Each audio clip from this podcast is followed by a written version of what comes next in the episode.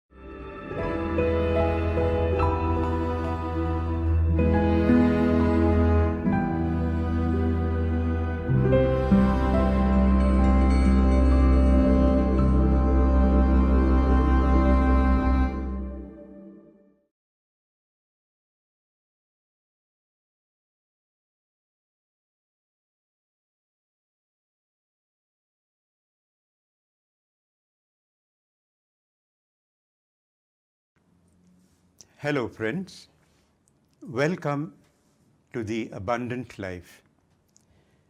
Today, we shall talk about depression. Are you surprised about the connection between the abundant life and depression? There seems to be some kind of error over here, isn't it?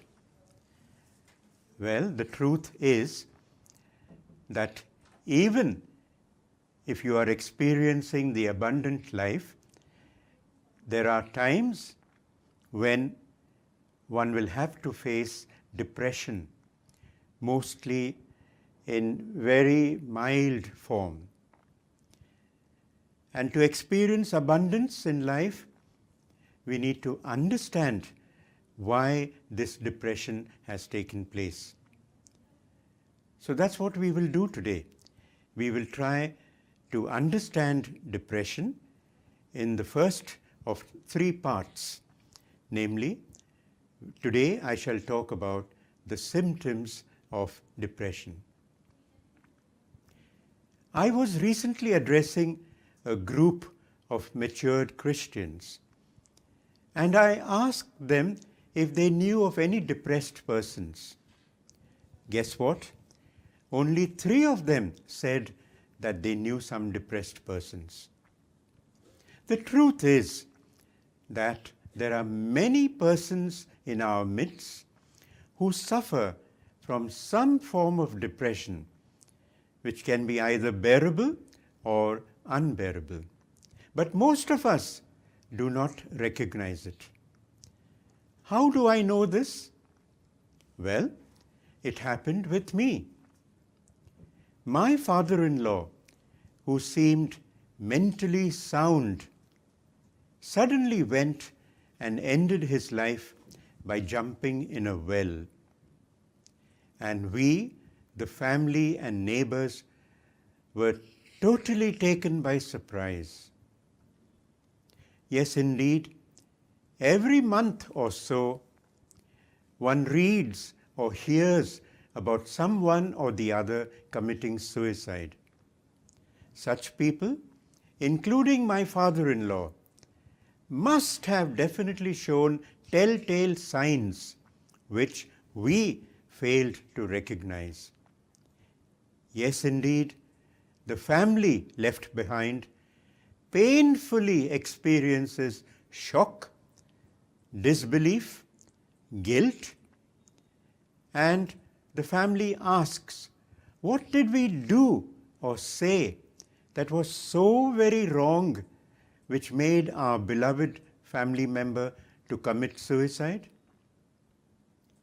Friends, the truth is that in many cases of suicide, there is a subtle and insidious progression of depression, so gradual that the family members fail to recognize it till it is too late. And that's what happened with me. If the truth be told, apart from others, we ourselves may be experiencing depression that we may be unaware of till someone questions us about some odd behavior. Yes, indeed, in this modern world, depression is rampant and spares no one, young or old, rich or poor, famous or unknown, literate or illiterate, and goes beyond the bounds of religion, caste, and class. Psychological counselors recognize three phases of depression mild, severe and serious. Some other counselors describe these as disappointment, despondency, and despair. However, the borderline between these three phases is rather thin and over a period of time may progress from one phase into the other. For example, mild depression starts with discouragement. As for instance, when you don't get a job that you have applied for, or a marriage proposal doesn't work out, certainly that becomes very discouraging for the person concerned. Now, if this state continues, then the depression may progress to becoming severe and that's what we call despondency which is a strong feeling of dejection or unhappiness here the person moans what's lacking in me why can't i find a job or find a suitable marriage partner well in a matter of days or weeks if there is nothing positive happening then this person's depression may become serious and may turn into despair. Where he or she says, I am not good enough or worthy enough. I will never find a job or a suitable partner in life. The tragedy is that such prolonged despair, if unchecked or untreated, may become fertile ground for suicidal thoughts and tendencies. Now, there are many signs or symptoms of depression mental, emotional, physical, or a combination of these which may be significant and worth considering. But before I continue, let me share a very important word of caution by giving you the analogy of a hypochondriac. This hypochondriac is listening to a TV program on health issues. With each symptom that is discussed, the hypochondriac will say, Oh my gosh, I have that same problem. And at the end of the TV program, she will be sobbing her heart out, saying or believing that she has all the health problems that were discussed on the TV. Now, I shall be sharing a number of symptoms of depression. Please don't jump to any faulty conclusion like this hypochondriac about the state of your mental health or that of your family members. That's for the psychiatrist or counselor to decide. What I will be sharing with you is to build up your awareness regarding depression because they say forewarned is forearmed. Had I known things, I might have helped my father-in-law and prevented him from committing suicide. Please also note that you can easily find what I am sharing on the net or in various books on the subject of depression. So now, let's look at some common symptoms of depression. I will be talking of 10 such symptoms, while there are many more. The first is disturbed or erratic sleep patterns or behavior.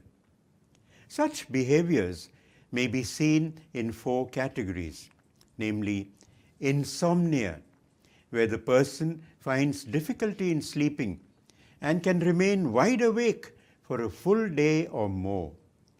Secondly, partial insomnia or brief sleep, where the person gets sleep for a short while but soon awakens and can't get back to sleep again. Thirdly, oversleeping, but instead of getting up feeling refreshed, the person awakes tired and exhausted. Lastly, despite sufficient sleep at night, the person feels sleepy throughout the day, maybe even in the midst of work. So we saw disturbed sleep patterns. Now let's see the second point eating habits. The depressed person experiences a loss of appetite.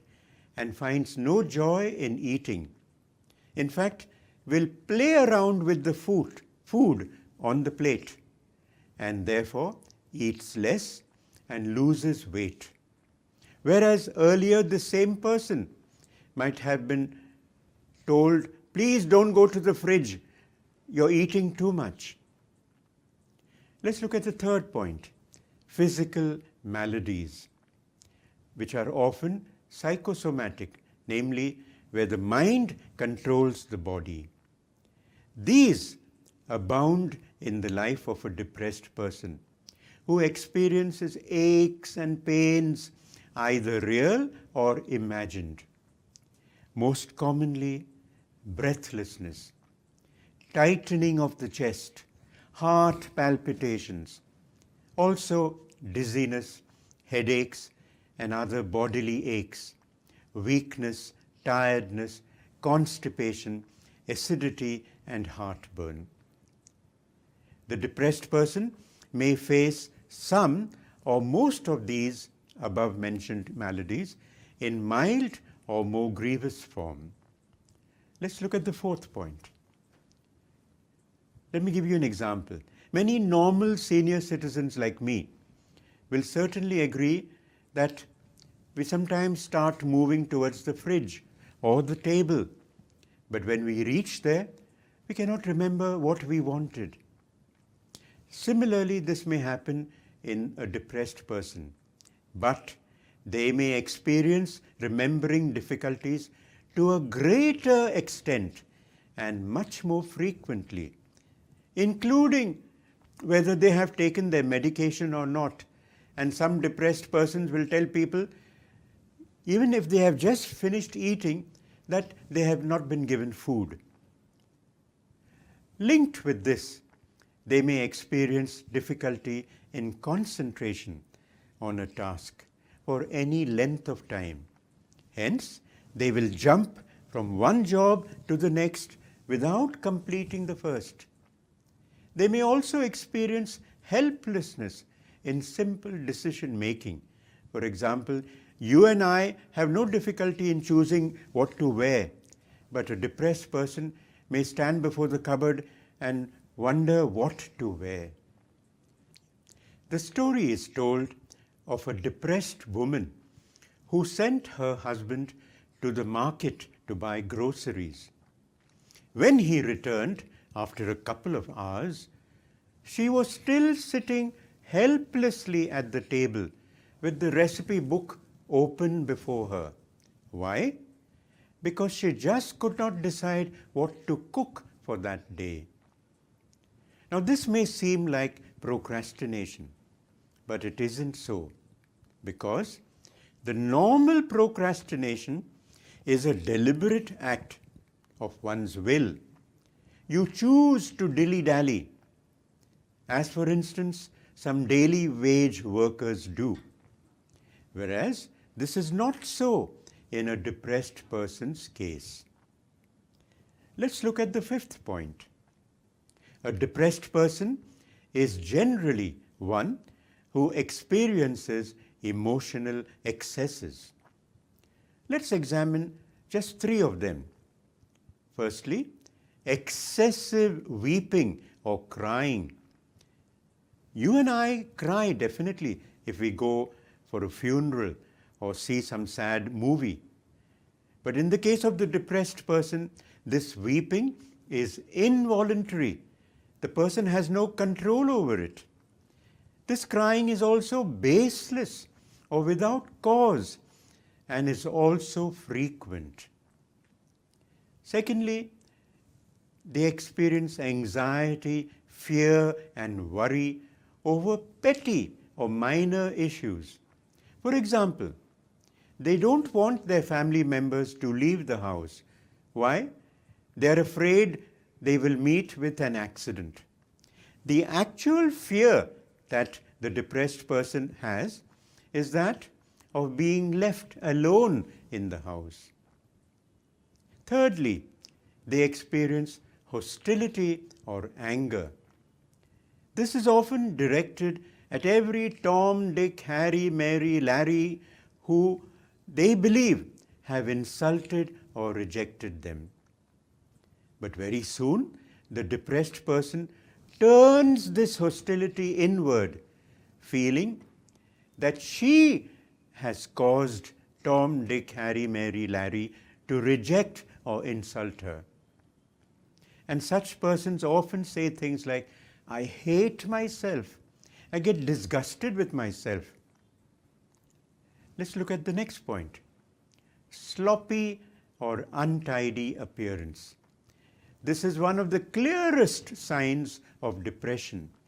especially if the person has normally been very neat and well-dressed and well-groomed. Truly has it been said that one's clothes are very revealing of one's mental state of mind. Sloppy dressing comes from the negative or poor self-image of the depressed person. They have given up on themselves and experience a low self-worth. I have seen this happening in some widowed persons where they say, "What's the use of dressing up? The person I loved is dead and gone. Why should I dress up?" The next point we'll consider is sadness and joylessness. Once again, it has rightly been said that the eyes are the windows of the soul. This is especially true in the case of depressed persons whose eyes show nothing but sadness and joylessness, together with helplessness and emptiness Even when they bravely try to put on a smile, they don't respond to a joke or any humorous action. Note, there is a loss of affection or a lessening of their love even for their spouses, particularly seen in the loss of their sex drive. Then they even lose a sense of love for their children and grandchildren whom they once cherished. The sequence is progressive. First, they don't seem to care about themselves, and gradually they don't seem to care about their surroundings or about the persons in their surroundings. The next point is the interest lost in living. This point is linked with the previous one on sadness. Depressed persons have no zest for life. Their earlier joie de vivre is now changed into apathy and lethargy. They become bored, listless, dull, having no interest in anything or anyone. Together with the fact that they appear to be tired and lacking in energy.